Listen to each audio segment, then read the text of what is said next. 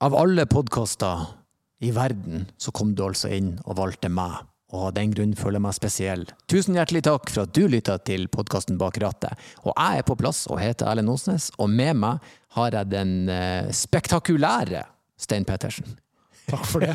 det. Legger jo nesten ikke noe press på meg, så det er bra. Ikke i det hele tatt. Eh, Vi er så klart på plass i studio i det flotte showrommet til Bertlosten i Bjørvika. Og dere skal i dag få en episode med Bak rattet forklarer. Og vi, si, vi har jo de her forklarerepisodene for å ta opp litt sånn tema som eh, lyttere og folk etterlyser svar på.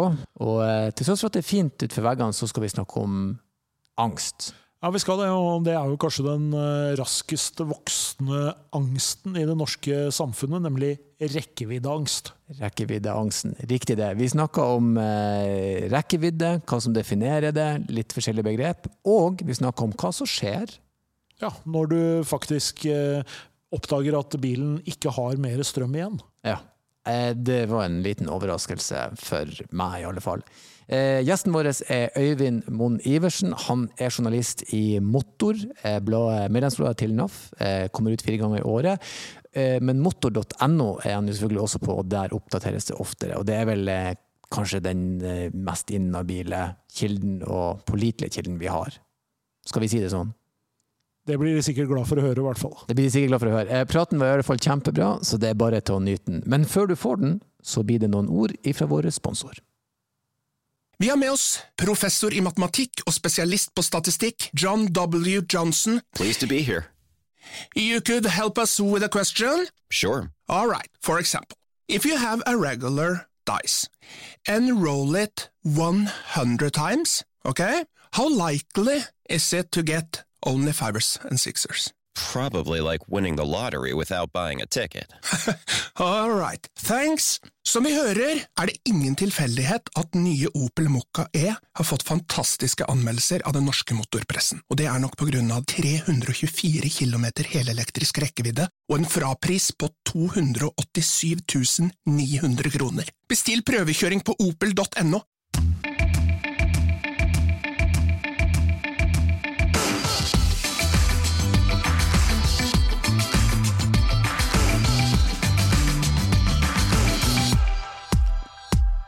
Ja, Øyvind Moen Iversen, journalist i Motor.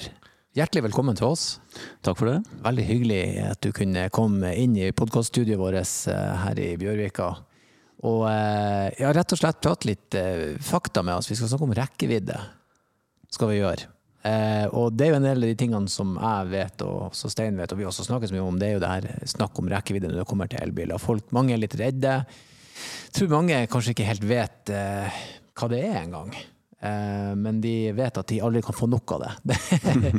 så får vi nå se, da. Dere har jo nettopp gjennomført en eh, ganske stor test som går på rekkevidde. Men, men før vi begynner der, så tenkte jeg kanskje vi kunne bare begynne med rett og slett hva er rekkevidde? Hvordan definerer dere det?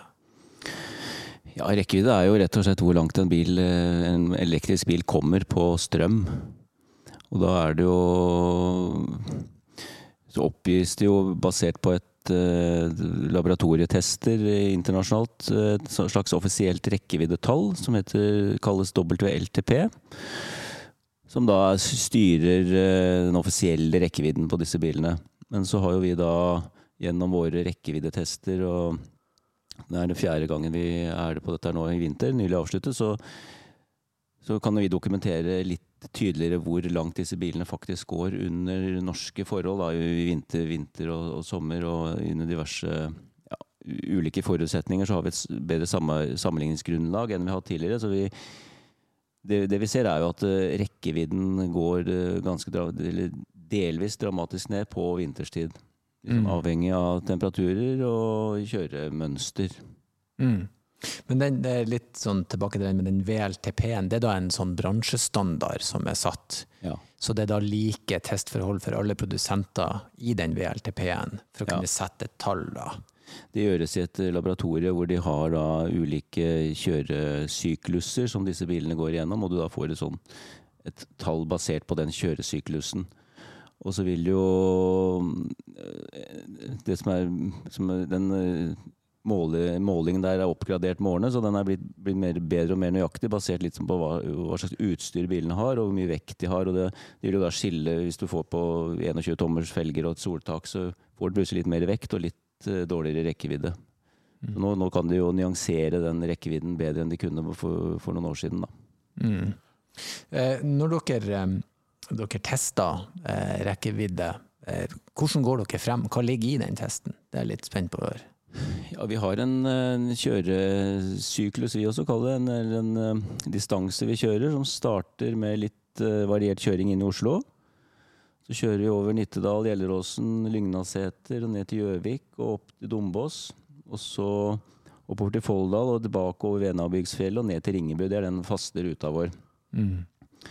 Og Der eh, hopper jo disse bilene av etter hvert som de går tom for batteri. Vi kjører da bilen helt tom for batteri, som er kanskje en litt sånn akademisk øvelse. De færreste gjør jo det. De færreste kjører jo bilene sine tom for drivstoff i det hele tatt. Men det er mest for å vite litt hvordan bilene oppfører seg når du går tom for, eh, for strøm. da. Så ramler jo disse bilene av etter hvert uh, underveis i denne løypa vår, og de blir berget av en, uh, en NAF-bil og blir kjørt til nærmeste ladestasjon, og så lades de opp igjen. Det er sånn korte trekk hvordan, hvordan uh, rekkeviddetesten foregår. Mm. Hvor, stor forskjell har dere nå merka? Dere har nå gjennomført eh, sommer og vinter. Sånn, prøv å gå litt i dybden på, jeg er liksom spent på hva, hva er faktorene? Er det, er det hva si, is, grus kontra asfalt, temperatur? Hvilke innvirkninger? Hva er det som, som dreper rekkevidden din? Det vi så fra sommer, altså rekkeviddetesten i sommeren 2020, det var jo Da kjørte vi under nærmest optimale forhold. I sånn pluss ja, 12-13 grader og vindstille og optimale forhold på alle mulige vis. Og da gikk jo alle disse bilene ja, Noen tangerte sin VLTP-rekkevidde, mens de fleste overskred dem med ganske mange mil. Altså den gikk lengre enn standard? De gikk lengre enn uh, disse offisielle tallene skulle tilsi, ja. Mm. Men så ser vi nå i vinter, den testen vi nylig har uh, unnagjort, så reduseres jo disse tallene med fra den beste bilen gikk 4 dårligere, og den dårligste gikk nesten 40% dårligere. Altså 40% rekkeviddereduksjon på vinterstid. da. Det viser jo hvor mye temperaturen, primært temperaturen har å si. Det er ganske mange som har fått seg en eh, overraskelse, kanskje særlig i januar og, og deler av februar i år, da, når temperaturene sank uh, såpass mye. Får dere mye tilbakemeldinger fra leserne? Ja, vi får veldig mye tilbakemeldinger på det, og det er det skyldes jo at, at man starter en elbil om morgenen, så med et kaldt batteri så får man plutselig et sånn lite sjokk når du ser at eh, rekkevidden er redusert med kanskje 50 så begynner du da å kjøre og få et litt varmere batteri, så vil jo dette utligne og utjevne seg. Du vil få et gunstigere forbruk etter hvert, som, som øker rekkevidden. Men for relativt ferske elbileiere så, så, er det ganske sjokkerende å se hvor mye rekkevidden da reduseres, bare ved å se på, starte bilen om morgenen og se, se på displayet. For det er jo ganske mange som vil jeg tro tenker at Eh, sånn småkjøring i lokalmiljøet, det, det, bør jo egentlig gå ganske, ganske billig. Da. da. bør du jo liksom kunne kjøre ganske lenge. Men dette med å varme opp batteri og bil, det er ganske energikrevende. Ja, det er ganske energikrevende. Så det det anbefales, er at du, at du varmer opp, hvis du har muligheten til å ha bilen stående i kontakt, at du varmer opp bilen og varmer opp uh, klimaanlegget, eller får klima på plass på den måten, samtidig som bilen står i laderen. At du starter da med, med et varmt varm bil og et relativt varmt batteri, og da får du ganske bedre optimalisert forbruk fra start. da. Mm. Men starter du med, med kaldt batteri og skal fyre opp bilen til 20-21 grader, så, så, så, ser du at, at du spiser strøm. Mm. Ja, akkurat den opplevelsen som dere viser, den hadde jeg med min elbil, der jeg kom ut og sa bare i Guds navn, her har jeg jo ingen rekkevidde. Og så så jeg at den steg etter hvert. da. Mm. Og så lærte jeg også det at den basere på en måte forbruket på det kjøremønsteret. Så hvis jeg har småkjørt litt hissig inn i sentrum, jeg skal av gårde hit hit og trødd litt på pedalen, så merker jeg at da går det fort ned. Men kommer jeg meg på landeveien, så ser jeg at det kan da Da, da vokser det, da stiger det. Så det er litt sånn interessant, man må på en måte bli litt kjent med, med bilen. Ja, det er viktig å høste de erfaringene der, og kjøre bilen og prøve å få et litt sånn avslappet forhold til hvordan den uh, jetometer, den stipulerte rekkevidden, hva den viser. For mm. den kan variere litt, og den normaliserer seg til en stund. Og du har som regel vår erfaring da, at du har mer rekkevidde enn du tror. Men er det det at eh, altså, Jeg sier meg litt inne på det, men det er rett og slett eh, Kulden øker ikke forbruket i den forstand, men den gjør rett og slett at du bruker mer energi på å holde batteriene varme Ja. og bilen varm. Ja, rett og slett. Altså, det er akkurat det samme prinsippet som en fossilbil eller en bensin- eller dieselbil. Altså, du, du krever mer energi for å holde en bil varm og gående om på vinteren i lavere temperaturer. Og det er jo litt spesielt når du kjører elbil, fordi da det er, en, det er jo en sånn mental greie, fordi da bytter man jo Når man kjører en fossilbil, så sjekker man hvor mye drivstoff man har på tanken. Og så, så ser man at jeg har halv tank, liksom. Da kan jeg i hvert fall kjøre til eh, til Dombås da, før jeg stopper å fylle.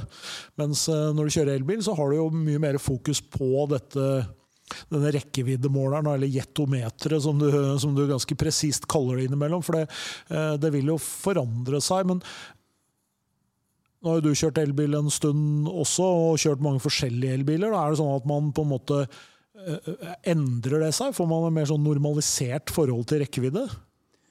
Tenker du på oss som kjører bilene? Ja, Ja. man gjør jo det. Altså det. Man får et avslappet forhold til det etter hvert. Og så det er som jeg sa tidligere, at du kjører aldri en bil tom for strøm. Akkurat som du kjørte aldri en bil tom for bensin eller diesel. Du vet jo sånn cirka etter hvert hvordan bilen din oppfører seg, hvordan den leverer. Altså, du har en viss kontroll over forbruket, og du vet når du lader opp bilen hvor mye du får opp. Og du vet etter hvert hvordan bilen oppfører seg, hvor, hvor langt du kan kjøre om sommeren, og forbruket på sommeren kontra forbruk på vinteren osv. Så, videre. så det er jo en, er bare en erfaring man må gjøre seg. Men poenget er jo at eh, elbiler for, for folk flest er jo helt nytt. Så det er jo en ganske bratt læringskurve for veldig mange. Hvor mye har kjørestil å si eh, for en elbil? Ja, vi liker jo å mm, tro og mene at kjørestilen er veldig viktig. At du skal kjøre veldig økonomisk for å ivareta mest mulig energi. Men eh, erfaringene våre er vel at eh, kjørestil betyr mindre kanskje enn vi trodde. Det er mer temperatur og slaps og søle i veien og den type ting som betyr noe. Kjørestil, med mindre du er helt av og på gassen og er helt rabiat og skal liksom tenke at dette er et, et lite rally, så, så kan du gjøre mye med kan du tømme bilen batteriet fort, men normal kjøring så, så skiller ikke så veldig mye. altså. Hva med sånn type motorveihastighet, da? Motorveihastighet sånn fra 90 til 110, der, eh, der går det et slags skille. Og Det ser man jo at eh, elbiler ligger ofte i 80, 90, 100 eller 110 soner. Så der har man lært seg at eh, ja, det, det går en slags grense for jeg vil si ja, 80-90 opp til 100-110. Der eh, ser man nesten at, du, at batteriet tappes. Men en annen ting da, som jo også forandrer seg med utetemperaturene, det er jo ladehastighet. Der òg vet jeg at dere måler ganske mye. Mm. Hva er erfaringene der? Ja, erfaringen er jo at eh, elbiler flest, sånn per dags dato i 2021, så lader de så tett opp til det produsentene, fabrikantene, oppgir. Altså de er veldig pålitelige på, på lading. Det vil si at du får ikke noen negative overraskelser der. Men eh, du skal jo Skal du ha optimalisert ladingen, så er det jo en del faktorer som må, må innfris. Annet så bør du ha et driftsvarmt batteri. Så når vi tar våre ladertester, så har vi kjørt disse bilene i minst to timer i forkant for å få et driftsbatteri og få optimale ladingsforhold. Og Derfor sier man jo også at du skal lade en Har du vært ute og kjørt, så skal du lade en bil øh, om kvelden etter å ha kjørt, eller ettermiddagen etter å ha kjørt, framfor å begynne å lade den før du skal kjøre neste dag. Nettopp for å få en mer, mer effekt av et Ah, sånn, ja. så, så når du setter den fra deg, så hiver du den på lading? Så er han på en måte klar, Ja. altså optimalt ta imot ladinga? Ja. Så utsatt lading er egentlig ikke noe god idé for eh, ladehastighet, da, i hvert fall. Nei. Det er det ikke. Men Når dere kjører disse bilene helt tomme, hvordan, hvordan oppfører en typisk elbil seg når du egentlig, hvor det står null da, på, på rekkeviddeindikatoren? Hvordan oppfører bilene seg da? Ja, det er ganske interessant å registrere, for um, så generelt så, så stopper jo bare bilene stille og forsiktig og helt uten dramatikk. Men de mister jo effekt, gradvis effekt. En bensinbil eh, vil jo bare hoste og harke, og så er den, er den tom. Men her mister du bare gradvis effekt. Så kjører du framover, så, så er du nede i ti og fem og så null, og så stopper bilen i veikanten uten noe som helst dramatikk. Var, men så er det sånn at du også kan eh, så er det noen, De fleste biler har en slags buffer da, som gjør at du etter kvarter en halvtime kan du starte bilen igjen. Og så kan du få, kanskje kjøre en, en, eh, en mil eller halvannen mil eller ofte to mil videre til hvis, hvis, du har vært så uheldig å gå tom for strøm, så har du mulighet til å komme deg til en ladestasjon eller komme deg til en bergingsbil eller komme deg inn på en uh, mer sikker plass. da. Men uh, bilene stopper udramatisk, og de Men det er litt sånn ulikt hvor uh, langt de går etter at det viser at du bare har 0% batteri igjen, eller at batteriet per definisjon er tomt, så kan de gå alt fra 5 km til 2-3-4-5 mil. Mm. Det er selvfølgelig litt avhengig av om du kjører oppover eller nedover, eller hva slags forbruk du har hatt inntil bilen stopper. Mm. Det er jo litt interessant at de har gjemt en sånn liten godbit. Ok, du har stoppa, men slapp av, du får noen kilometer eller ei mil her etterpå. At du faktisk ja, kan klare å komme deg. Ja, det er en sånn forbrukeropplysning som, eh, som egentlig vi bare har oppdaget. Så jeg tror, jeg tror, ikke det er noen som kommuniserer det ut, men mm. du har en slags sånn, sånn sikkerhetsnøkkel der da, hvor du kan ja, Stopper du på et uh, ubeleilig sted, så har du muligheten faktisk til å komme deg til et trygt sted, og i, kanskje i beste fall til en ladestasjon. Mm. Jeg tenker, uh, Nå har det vært sånn i en del år nå, så har vi jo hele tiden snakket om, i hvert fall noen spør da, uh, jeg skal kjøpe ny bil, skal jeg kjøpe elbil, liksom. Og så har jo da svaret veldig ofte vært at uh, ja, i løpet av året i år, liksom, da blir det mye biler å velge i. Uh, og sånn har det vel vært kanskje de to-tre siste årene, liksom. Men er vi der nå? Er liksom utvalget av elbiler så godt at de aller fleste kan velge en elbil? Ja, jeg vil jo si at det begynner å nærme seg et sånt stadium nå. Det er som du sier, vi har, vi har ventet og ventet på disse klassiske norgesbilene, altså SUV-er hvor du sitter høyt, hvor du har bra bagasjeplass og du har uh, firehjulsdrift og du kommer opp på hytta. Det er liksom den definisjonen på en norgesbil. Og de er jo i ferd med å komme. Nå får du jo ja, Forder og Skodaer og Volkswagener og Mercedeser og koreaner, og pluss at uh, disse PSA-bilene leverer på et sånt jevnt folkelig nivå med Citroën og Peugeot og DS også, Opel osv. Så, videre. så jeg tenker at du, Per dags dato så har du, har du elbiler som tilfredsstiller alles behov. Mm. Mer eller mindre. Du har ikke den eh, store, tunge SUV-en eh, hvor du kan ha med deg henger og skiboks på taket og voks, to voksne og to barn og bikkje og bagasje og komme deg opp på hytta som ligger 40 mil unna. Der er du liksom Skal litt til før du er der, men eh, snart beveger oss.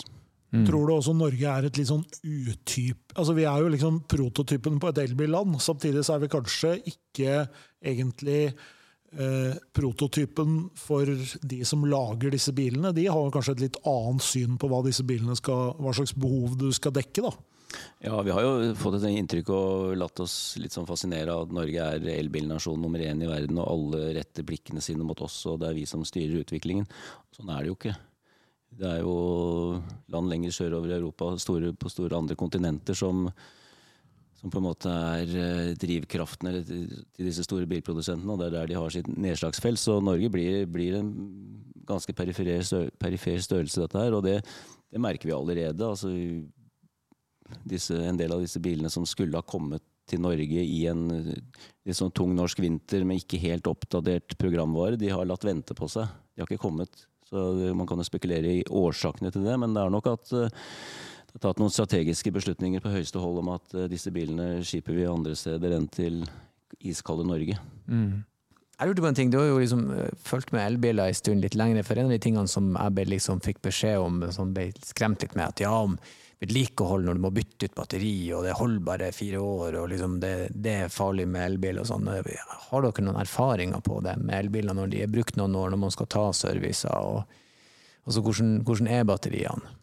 Det er jo begrenset faktagrunnlag på det, det foreløpig, i og med at disse bilene er så ferske. Men det man ser på disse liksom pionerene som har vært på markedet, da, sånn som Nissan Leaf og Tesla S og BMW I3, så er det jo ikke, det er ikke batteriene som er problemene.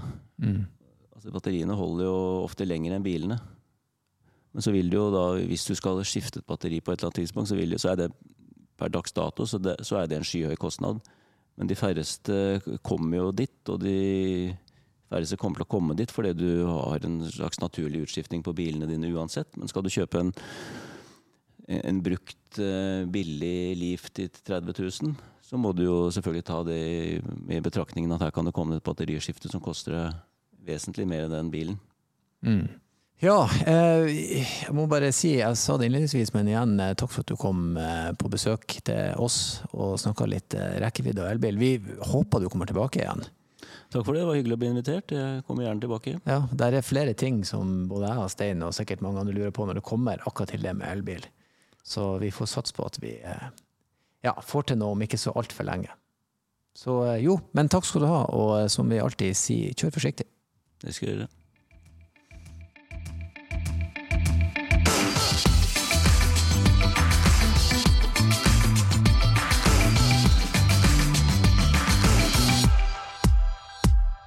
Hei, flott folk. Håper denne episoden var opplysende og eh, ja, lærerik for dere. Det var den i alle fall for meg. Dersom det er et tema du ønsker å vite mer om, eller ønsker at vi skal gå nærmere til verks på, nøl ikke med å ta kontakt. Send inn til bakrattet.bos.no, så skal vi snarest ta tak i det. Takk for lytten, og som alltid, kjør forsiktig.